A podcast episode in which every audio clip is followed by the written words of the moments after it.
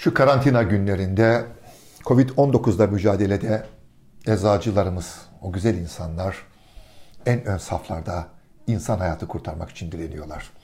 Eczacılarımıza çok şey borçluyuz. Ne yazık ki, ne yazık ki eczacılarımızdan da kaybettiğimiz güzel insanlar var. Ben bir eczacının öyküsünü anlatmak istiyorum bu bölümde sizlere. Hatta döneminde sarayın eczacı başısı bile olan Hacı Ahmet Bey, sarayın eczacı başısı Hacı Ahmet Bey. Hacı Ahmet Bey 1898 yılının Ramazan ayında Ramazan'ın 22. gününde akşam dostlarıyla birlikte Şehzade başındaki evinde orucunu açmaktadır. İflas, iftar sofrasındadır. Ama biz iftar sofrasına oturmayacağız. Bir kat yukarı çıkacağız. Bir kat yukarıda Hacı Ahmet Bey'in eczacının oğlu Ahmet Naşit, Küçük Ahmet sessizce birinci katındaki penceresinden evinin kaçıyor. Aklı yandaki tiyatroda. Çünkü yan tiyatroda Komik Abdi Bey oynuyor. Dönemin ünlü tiyatrocusu Komik Abdi Bey. Mutlaka o oyunu izlemeli. Seyircilerin arasına karışıyor. İçeri girerken dur bilet. Çocuğun bileti yok. Giremezsin demekle kalmıyor kapıdaki görevli. Bir de tokat atıyor. Çok kızıyor. Eczacı Hacı Ahmet Bey'in oğlu Ahmet Naşit. Çok kızıyor. İntikamını alacak. Cebini taşlarla dolduruyor. Tiyatronun çatısına çıkıyor. Bakıyor kiremit aralarından sahne görülüyor.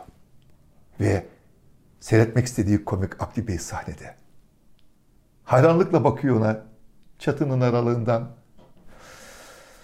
Sonra intikam alması gerekir. Cebindeki taşları sahneye doğru atıyor komik Abdi Bey'e. Yakalanıyor. Babasına teslim ediliyor. Eczacı Hacı Ahmet Bey çok kızıyor. Öyle ki çocuğun yatak odasını bir daha kaçmasın bunu yapmasın diye birinci kattan üçüncü kata taşıyor. taşıyor. Oradan atlayıp kaçamaz. Ertesi akşam Ramazan'ın 23. günü yine Eczacı Hacı Ahmet Bey dostlarıyla, misafirleriyle beraber iftar sofrasındadır. Kalkıyorlar, Komik Abdi Bey'i seyretmeye gidiyorlar. Evin üçüncü katında oğlu gözyaşları içinde ve kulağına Komik Abdi Bey'in söylediği kantolar geliyor. Hepsini ezberliyor. Okulda Abdi Bey'in taklitini yapıyor. Çünkü çocuğun hayali bir tiyatrocu olmak. Öyle ki arkadaşları ona Küçük Abdi lakabını takıyorlar. Ama hayır diyor babası. Sen veteriner olacaksın. Fakat yalvarıyor, yakarıyor babasına.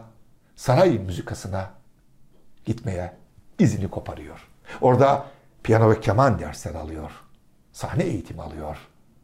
Ve ve o güzel insan Eczacı Hacı Ahmet Bey'in oğlu Ahmet Naşit tiyatroya atılıyor. Bir gün bir sahnede oynuyor. Çok başarılı bir rol.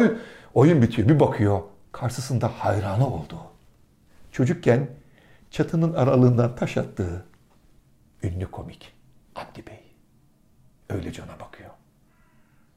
Ve Abdi Bey başındaki fesini onun başına koyuyor. Belindeki kuşağı çıkarıp onun beline takıyor. Artık usta sensin diyor. Ve Ahmet Naşit çok sevilen bir tiyatrocu oluyor. Çok ünlü bir tiyatrocu oluyor. Tiyatroya gidelim denmiyordu o yıllarda. Hadi Naşit'i seyretmeye gidelim deniliyordu. Ve bir gün duyuyor ki ustası hayranı olduğu komik Abdi Bey yaşlanmış, zor durumda, maddi sıkıntı içinde. Dönemin ünlü tiyatrosu Şark Tiyatrosu'ndan bir oyun teklifi alıyor.